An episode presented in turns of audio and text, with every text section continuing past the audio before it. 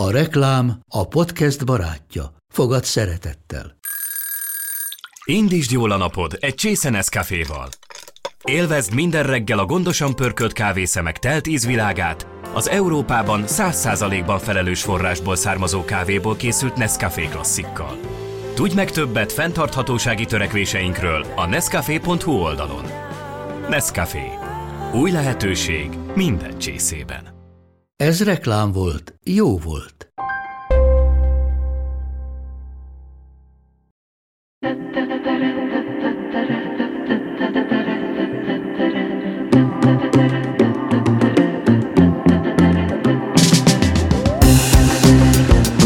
Sziasztok, Epres Panni vagyok, ez a Neked Könnyű podcast. Annyiszor mondjuk egymásnak ezt a frázist, pedig szerintem senkinek nem könnyű. Viszont ha odafigyelünk egymásra, és sokat beszélgetünk, akkor mindenkinek jobb lehet.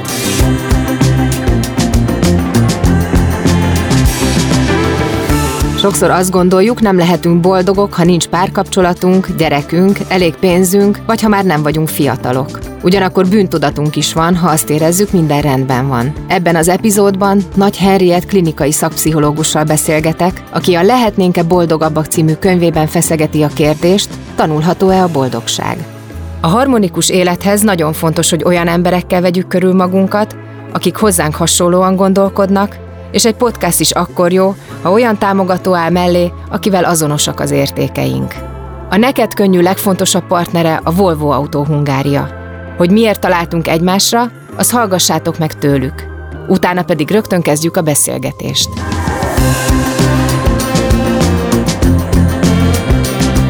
A Volvo-nak megalakulása óta a világ és a benne lévő emberek a legfontosabbak.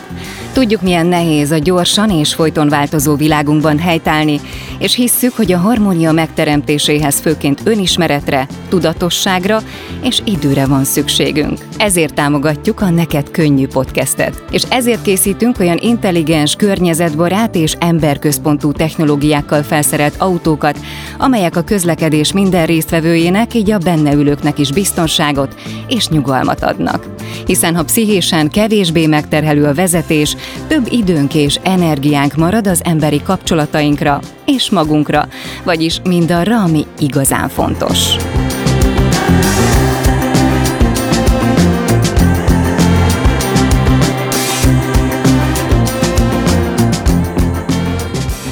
Egyértelmű a kérdés, lehetnénk-e boldogabbak? Természetesen igen. Bizonyos mértékig igen. Tehát a könyvben azért kifejtem azt is, hogy a ránk jellemző boldogság alapszint az bizonyos mértékben genetikailag is meghatározott, tehát hogy születhetünk ebből a szempontból szerencsésebb génekkel és kevésbé szerencsés alaptermészettel, de bármilyen alaptermészettel is születtünk, illetve éppen bármilyen körülmények között zajlik, és az életünk valamennyivel mindig lehetünk boldogabbak, egy kis tudatossággal. Erről később fogunk beszélgetni, de amúgy, ahogy megszületett a pszichológiában az, hogy, hogy a boldogsággal foglalkoztok, vagy foglalkoznak a pszichológusok, és nem mindig a negatív élettapasztalatokkal, az mikor született meg? Ez körülbelül 2000 körül, 98-hoz vagy 2000-hez szokták kötni a, az úgynevezett pozitív pszichológiának a megszületését. Ez egy Amerikában született irányzat, Martin Seligman, őt sok mindenki ismerheti a tanult, tehát lehetetlenség modellről, ő ennek az egyik vezéralakja, a másik pedig a magyar származású Csíkszent Mihály Mihály, akit pedig a flow elméletről ismerhetünk sokan.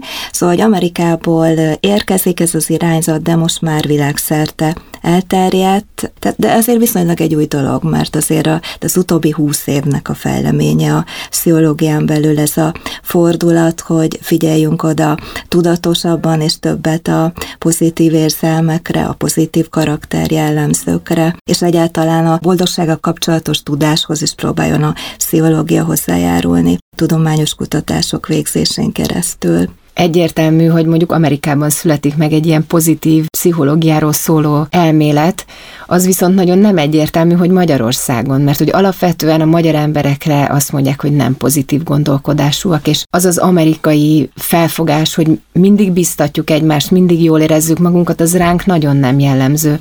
Mégis így született meg ennek a két nemzetnek a, a tudósa ö, alakította ezt ki. Igen, igen, igen. Igen, azért valóban van egy ilyen vélekedés, hogy mi magyarok pessimisták vagyunk, és hogy nem jellemző ránk, hogy kimutatnánk, hogyha jól érezzük magunkat, vagy a pozitív érzelmeinket talán nem éljük meg olyan intenzíven, de azért én óvatos lennék az ilyen általánosításokkal, mert hogyha egyéni különbségeket nézünk, akkor azért Magyarországon is van egy csomó optimista ember, olyan ember, aki örül az életnek, aki, aki, aki megéli a pozitív érzelmeket, és szóval azért, azért óvatos lennék én az ilyen általánosításokkal, de valóban van egy ilyen, egy ilyen sztereotípia, és talán maga a sztereotípia létezése is befolyásol bennünket. Tehát az sem mindegy, hogy mit gondolunk. Tehát ameddig ezt gondoljuk magunkról, hogy mi úgyis ilyenek vagyunk, addig nyilván nehezebb ebben változtatni, mint hogyha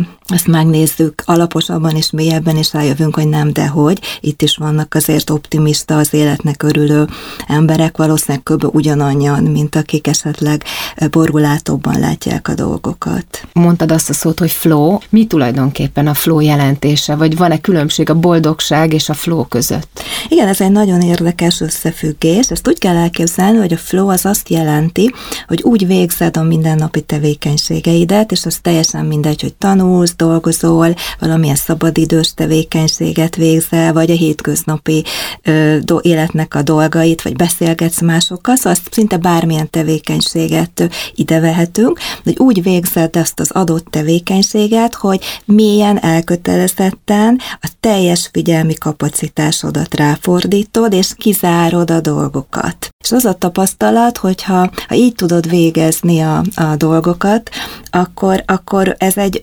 pozitív érzést fog következményként előállítani. Tehát ezt úgy, úgy kell elképzelni, hogy az az ember, aki, aki minél több különböző tevékenységet tud flow állapotában végezni, tehát teljesen belemélyülten a figyelmét ráfordítva, az valószínűleg azon az adott napon többször fog pozitív érzést áttélni, mint aki esetleg kapkod a feladatai között. Most ez persze nagyon nehéz, mert ahhoz, hogy valamire teljesen rá tud fordítani a figyelmedet, ahhoz le kell lassulni.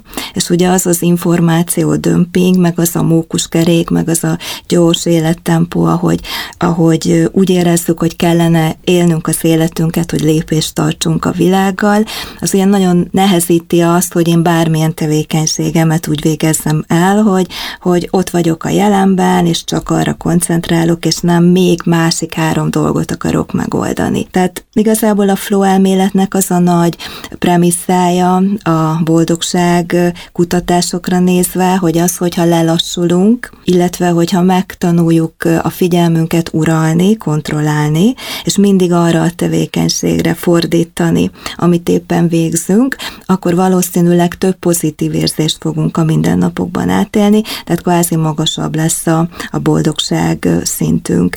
És egyébként, ha már a flónál tartunk, itt van még egy fontos dolog, hogy az is számít a boldogság szempontjából, hogy, hogy ne egy valamiben öljük meg a flow tehát a legboldogabb emberek, akiket Csíkszentmihályi autotelikus személyiséggel rendelkező embereknek nevez, rájuk az jellemző, hogy nem egy valamiben, mondjuk a munkájukban, vagy a videójátékozásban, vagy a sportban, vagy bármi egy hobbiban tudják megélni a flow-t, és akkor ezért belemenekülnek abban, és az idejük, energiájuk nagy részét arra az egy dologra csoportosítják, és ennek következményeképpen a több életterületüket elhanyagolják, hanem sokkal inkább az jellemző az autotelikus személyiségre, hogy, hogy amit végez, tehát ha reggel mosogat, akkor abban találja meg a flót, ha várakozik a buszra, akkor abban, ha beszélget valakivel, akkor abban, a hobbiában, a munkájában, tehát hogy több különböző tevékenységét is képes ilyen elmélyülten és ilyen tudatosan irányított figyelemmel végezni. Akkor tulajdonképpen ez tanulható lenne? Igen, vagy tanulható igen, is. Igen, Nem tudom, abszolút. léteznek erre mondjuk tanfolyamok, ahol az ember elsajátítja, hogy hogy tud egy bizonyos tevékenységre Aha. figyelni. Aha, egy abszolút fontos, amit mondasz, hogy nyilván ez az, hogy a figyelmünket tudjuk irányítani, az egy, az egy tanulható dolog. Igazából két olyan kivétel van, amikor azt mondhatjuk, hogy egy picit nehezebb ez a flow csatornába kerülés, az a figyelemszavarok problémája, a másik pedig a narcisztikus személyiségzavar, ott pedig ugye arról van szó, hogy valaki annyira nagyon önmagával van elfoglalva, hogy, hogy nehéz figyelni kifelé, éppen mondjuk a másik emberre, vagy bármilyen tevékenységre. Szóval, hogyha ezt a két kivételt vesszük, nyilván itt is van esély, csak itt egy picit nehezebb megtanulni a figyelem tudatos irányítását, akkor ez igen, ez egy,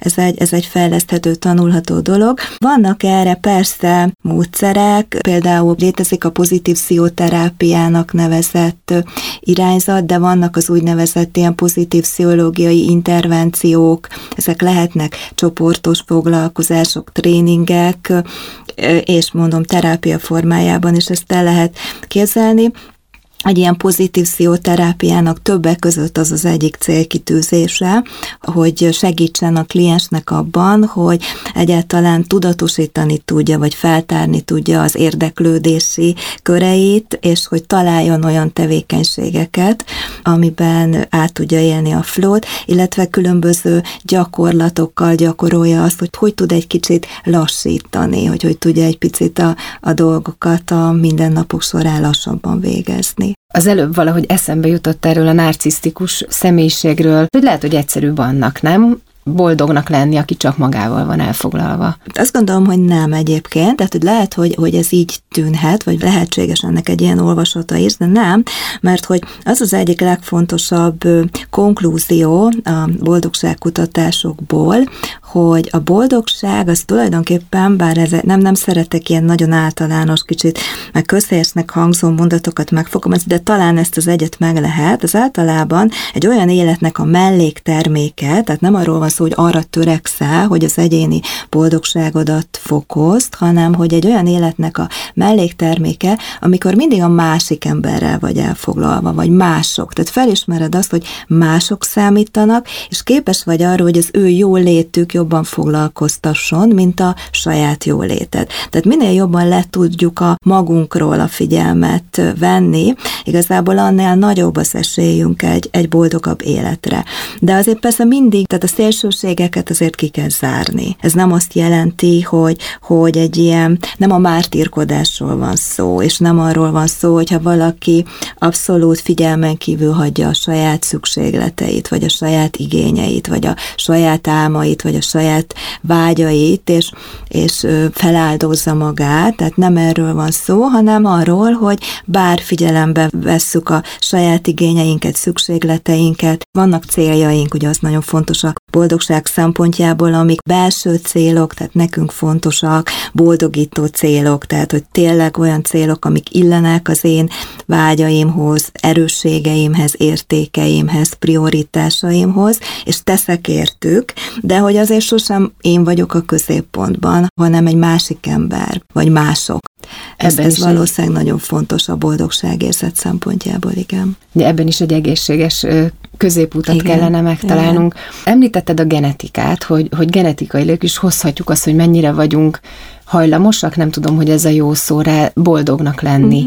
Uh-huh. Mennyire tudjuk ezt megtanítani a gyerekeinknek, vagy, vagy mennyire követik ezt is csak amit látnak példaként, hogy mennyire viselkedhetnek uh-huh. boldogan? Két fontos kérdés, amit, amit mondasz, tehát hogy, hogy sajnos a, a boldogtalanság az mintaként szolgálhat, tehát ahhoz nagy tudatosság kell, hogyha valaki egy ilyen boldogtalan családi mintát lát, akkor tudjon ezen változtatni, hiszen el eleve a boldogságról való képet, meg a boldogságról való tudás, vagy a ahhoz való viszonyt, vagy a hozzáállást is változtatni kellene ebben az esetben.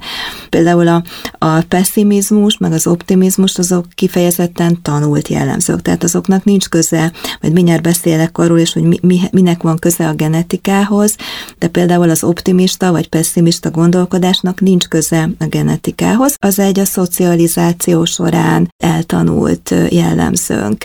És például az, hogy milyen lesz az önbecsülésünk, az is a családi környezeten nagyban múlik. Nem azt mondom, hogy eldönti és meghatározza, de nagyban múlik, hogy, hogy valakinek alacsonyabb önértékelése lesz, vagy, vagy ilyen stabilabb, valódibb, a külső megerősítésektől kevésbé függő önértékelése lesz. Az önértékelés például egy borzasztóan fontos dolog a boldogságérzet szempontjából, sokkal fontosabb, mint a körülmények, hogy valakinek milyen az önértékelése. Ennek sincs semmi köze a genetikához. Tehát ha csak ezt a kettőt, de még mondhatnék további példákat is, kiemeljük, akkor láthatjuk, hogy azért itt, itt nagy szerepe van a, a családi környezetnek és a nevelésnek. Mi az akkor, ami ebből öröklődik? Vannak olyan alapszemélyiség jellemzők, amik azért genetikailag jelentősen meghatározottak, így fogalmaznék. Nem azt mondanám, hogy, hogy ezek is nem alakulhatnak az élettapasztalatok hatására valamelyes, de azért van azért egy jelentős genetikai hátterük.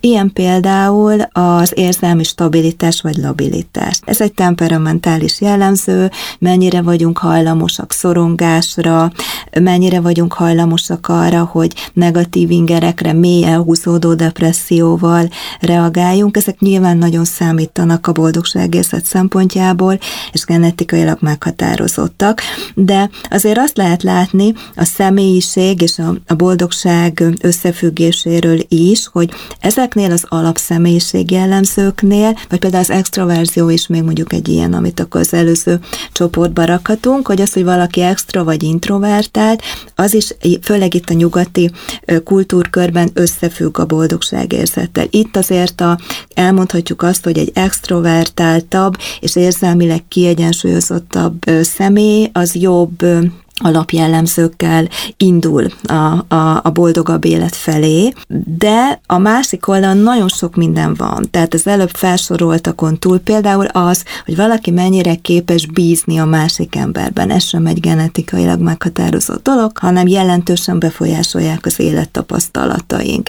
Tehát az az ember, aki tud bízni másokban, egyáltalán hisz az emberiségben, tehát hogy feltételezi, hogy rétezik önzetlen segítség, segítség, vagy önzetlen szeretet, vagy számíthat másokra, vagy képes arra, hogy érdek nélkül alakítson ki kapcsolatokat. Tehát, hogy ne csak olyan kapcsolatai legyenek, amik valamilyen célból köttetnek, és valamilyen haszon származik belőle, hanem ilyen érdek nélküli kapcsolatai is legyenek, ezek, ezek a bízni a másik emberben, képesnek lenni ilyen kapcsolatokat kiépíteni, képesnek lenni, örülni a másik emberrel, hogyha azzal valamilyen jó dolog történik, ezek borzasztóan fontosnak tűnnek a boldogságérzet szempontjából, és nincs köze a genetikához egyiknek sem. Igen, azt írtad, hogy az irítség az kifejezetten a boldogság ellen dolgozik. Igen, igen, tehát hogy, hogy azért egyébként, mert meg lehet figyelni azt, hogy a legboldogabb 10%-a az embereknek, hogyha az ő kis csoportjukat nézzük, akkor ők abban különböznek egyértelműen a többi embertől, hogy kevés, de mély, ilyen önzetlen szeretetre épülő emberi kapcsolatuk van. Tehát ilyen szoros, mély, ember, olyan emberi kapcsolatuk van, amiben, amiben megélhetik azt, hogy, hogy egyet teljesen megbízhatnak néhány emberben, érdek nélküli a kapcsolatuk, és számíthatnak rá, és adott esetben fontosabb a másik ember jóléte, mint a sajátom kölcsönösen, és ha valami, valami jó dolog történik a másikkal, akkor annak még jobban tudok örülni, mint hogyha magam, velem történne valami. Tehát, hogy itt van az a, az a valószínűleg ennek az egésznek az a nagyon mély alapmagva, tehát az emberi kapcsolataink, azok ilyen értelemben számítanak, nem, nem mennyiségben számítanak, tehát itt szó sincs arról, hogy az lenne a boldogabb ember, akinek hú de nagy baráti köre van, vagy hú de nagy kapcsolati hálója van, az számít, hogy hány olyan kapcsolatod van, amiben nincs érdek, nincs haszon, teljes a bizalom, és, és amelyben, amelyben a másik jóléte még a tiédnél is fontosabb. Azt hiszem, hogy itt kell egy kicsit szóba hoznunk a, a mai eléggé felszínes boldogságot. Azt értem ez alatt, hogy a, az Instagram és a Facebook és minden mm. ilyen megmutatkozás, amit az emberek magukról kitesznek, az, az nagyon megtévesztő. Igen Ez Igen. biztos, hogy nagyon sok mindenkire rossz hatással van. Így van. Ez egy kifejezetten veszélyes dolog. Ugyanúgy, mint amit az előbb, a, vagy az elején a beszélgetésnek a flóról beszéltünk, hogy ez a, hogy rá vagyunk kényszerítve a rohanásra és a figyelmünk megosztására, ez nagyon kedvezőtlen a boldogság szempontjában. Na, ez egy másik hasonlóan fontos dolog, hogy, hogy ez, a, ez a nagyon kifelé élés, vagy ezek a szociális média felületek, legalábbis a jelenlegi tudásunk szerint, ez majd lehet, hogy még finomodik, árnyalódik, vagy majd változik ennek a kultúrája is a szociális média használatának, de jelen formájában ez inkább kártékonynak tűnik a boldogságérzet szempontjából, mint hasznosnak. Több dolog miatt is. Hát nyilván ami a leggyakrabban elhangzik, minden médiában az az, hogy azért ezek ilyen, ilyen áll, álhírek bizonyos értelemben, tehát ez nem, nem a teljes valóságot ö, mutatják meg, hanem valami olyat, amiből arra számít a posztfeltöltője, hogy arra megerősítés fog a környezetéből érkezni. Ez egy, ez egy viszonylag gyakran hangoztatott szempont, de van itt még egy dolog, ami szerintem egyébként mélyebb és, és fontosabb, az az, hogyha sokat használjuk ezeket a platformokat, akkor óhatatlanul is, még akkor is, ha mindennek, mindennek a tudatában vagyunk, fokozódik a társas összehasonlításra való hajlamunk. Tehát egyre inkább hasonlítgatunk, a saját életünket hasonlítgatjuk mások életéhez. És ez viszont biztosan, talán még az előzőnél is kártékonyabb, hogy, mert ezt nem veszük észre. Azt azért ugye a legtöbb ember tudja, hogy nem a teljes valóságot ö, ö, sugalják ezek a, ezek a fotók, vagy ezek a posztok, de azt, hogy közben tudattalan tudattalanul elindul egy olyan folyamat, hogy ő is egyre inkább hajlamos lesz a saját életét másokéhoz hasonlítgatni, az úgy a háttérben zajlik, és, és ennek van igazából egy ilyen boldogságérzetet alásó szerepe, hogyha mindig másokhoz hasonlítgatok. Tehát annak ellenére, hogy tudjuk, hogy ez nem a valóság, mégis befolyásol Igen, minket. Igen. Nagyon sokan közösségi média nélkül is felszínesen élik az életüket, amit hívhatunk úgy is, hogy felszínes, de van ennek egy olyan ö, árnyalata is, lehet, hogy nem csak Magyarországon, hogyha valaki túl jól van, akkor az gyanús. Uh-huh. Hogyha azt mondja, hogy boldog, és ezt mindig mondja, hogy ő jól van és boldog, akkor arra általában azt mondják, hogy, hogy ha bo- igazából boldog lennél, akkor nem mondanád, mert uh-huh. hogy ez egy természetes állapot. Uh-huh. Jobb azoknak, akik ezt kimutatják, akár felszínesen is, uh-huh. tudják-e generálni a saját uh-huh. boldogságukat azzal, hogy mindig azt mutatják, hogy jól vannak? Uh-huh. Hát ez egy nagyon-nagyon nehéz összetett kérdés, amit mondasz, mert egyrészt eszembe jut róla az, hogy az egy furcsa kutatási eredmény, hogy a, még a megjátszott mosoly is, vagy a megjátszott jókedv is tud pozitív irányú változásokat elindítani. Tehát, hogy ez, ez mondjuk egy tény, hogy, hogy, hogy igazából önmagában attól, hogy mosolyogsz akkor is, amikor ez nem teljesen őszinte, ennek is lehet olyan hatása, amitől valamelyest jobban érzed magad. A másik, ami eszembe jut a kérdésedről, az az, hogy azért a boldogságnak, egy picit már érintettük, hogy a személyiség mellett az is nagyon fontos, hogy az ember egyáltalán milyen képet hordoz önmagában a, magáról a boldogságról.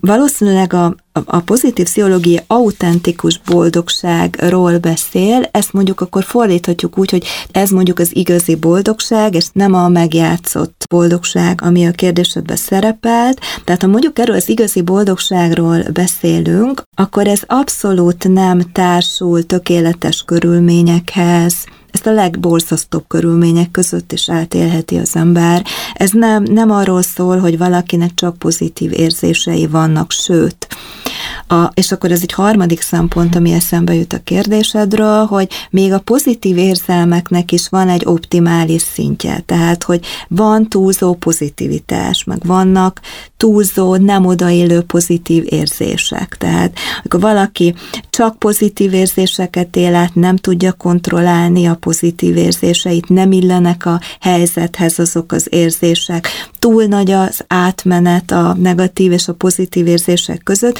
akkor azt gondolhatjuk, hogy ez valószínűleg egy védekezés. Tehát az nem ez az autentikus boldogság. Mert hogy ez az auto, autentikus boldogság, ez mindig a valóságnak a nagyjából reális észlelésén alapul. Tehát, hogy nem, és, és abszolút nem jelenti a negatív dolgoknak a, a tagadását és, a, és az ignorálását, vagy a, vagy a kizárását, hanem, és nem kötődik tökéletes körülményekhez.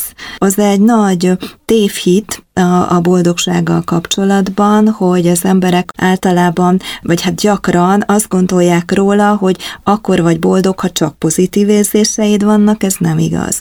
Akkor vagy boldog, hogyha minden tökéletes körülötted az életedben, nem igaz. Tehát, hogy nem, nem, valószínűleg nem függ ez olyan mértékben a körülményektől, és nem csak a pozitív érzések megélését jelenti, mint ahogy gondoljuk a mindennapokban.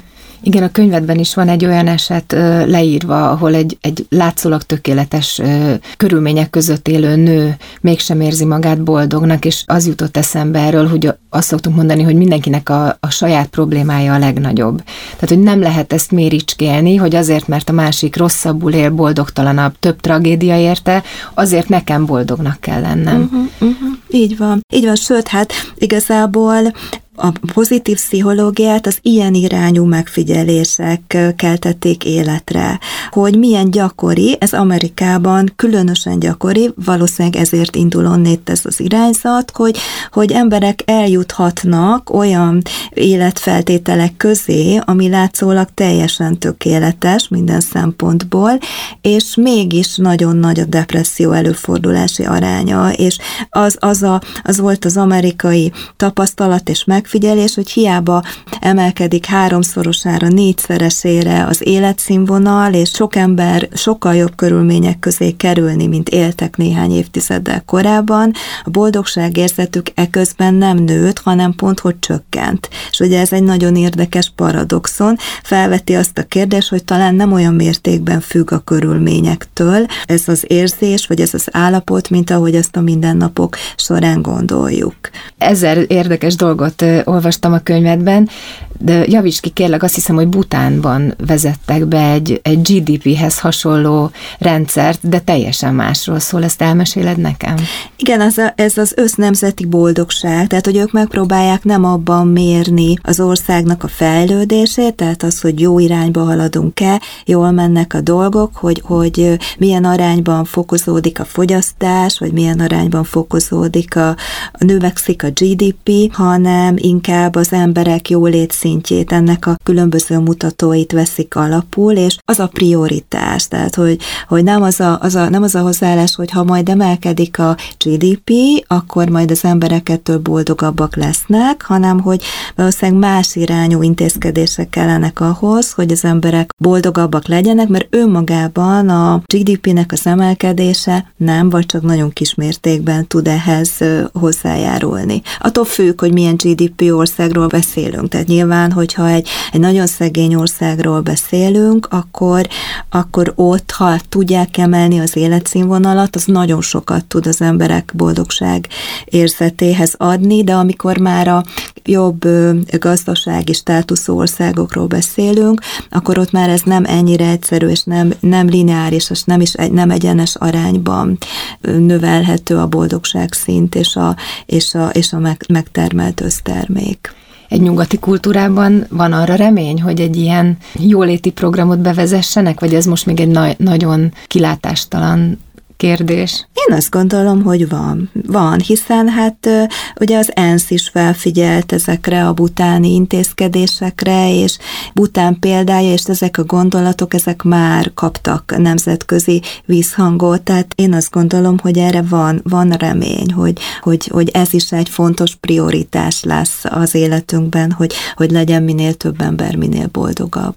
Neked mi az a három dolog, ami boldogságot hoz az életedbe? Egyértelműen azok az emberek, akiket szerettek. Ezek a nagyon, tehát a szoros emberi kapcsolataim, a családom, a férjem, a testvérem, tehát a szüleim, tehát a, a közeli barátaim. Mind a mellett szerencsés, tehát ők számítanak, tehát ők határozzák meg a, a, a boldogságérzetemet, de, de mind a mellett abban meg elég nagy szerencsém van, hogy, hogy olyan munkám van, ami pedig bőven ad lehetőséget a flow átélésére, meg az alkotásra, meg a, meg a kreativitásra, meg ami még pluszban hozzá tud járulni ahhoz, hogy, hogy az embernek azt az életértelmessége érzést megélje. Tehát azt hiszem, hogy a szeretteim és a, és a munkám. És ami egyébként, hogy ne ennyire ilyen általánosságokat mondjak, amit én nagyon jól tudtam használni ahhoz, hogy boldogabb legyek, és amiről ma is beszéltünk, meg a könyvben is szerepel, ez a lelassulás.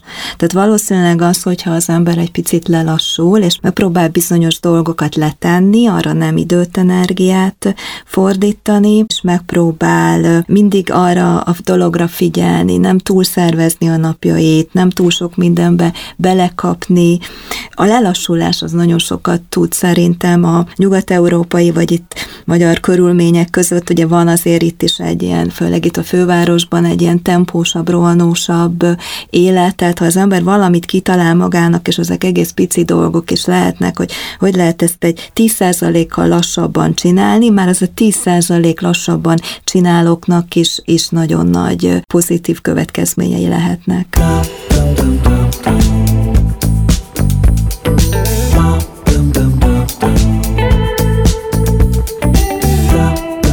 A Neked Könnyű podcastet hallottátok.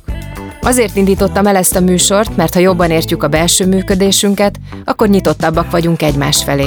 És persze közelebb kerülünk saját magunkhoz is.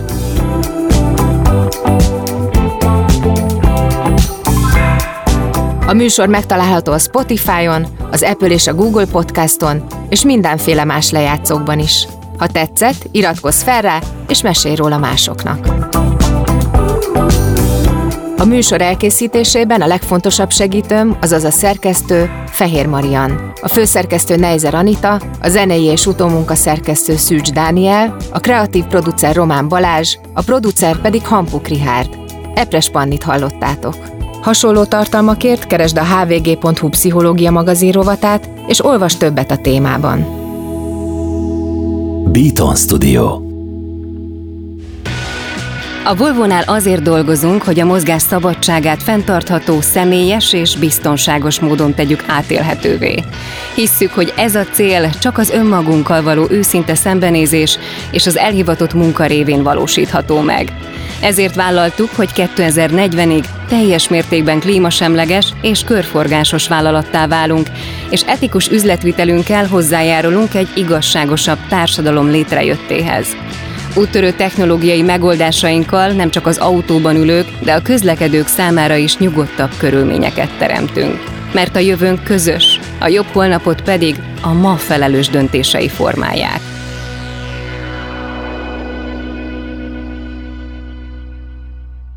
Ha más podcastekre is kíváncsi vagy, hallgassd meg a Béton műsor ajánlóját.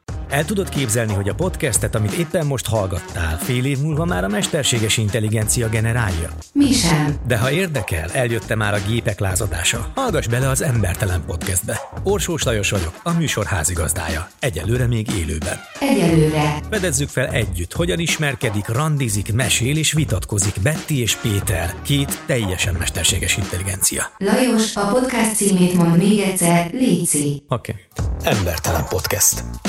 Ez egy Béton podcast.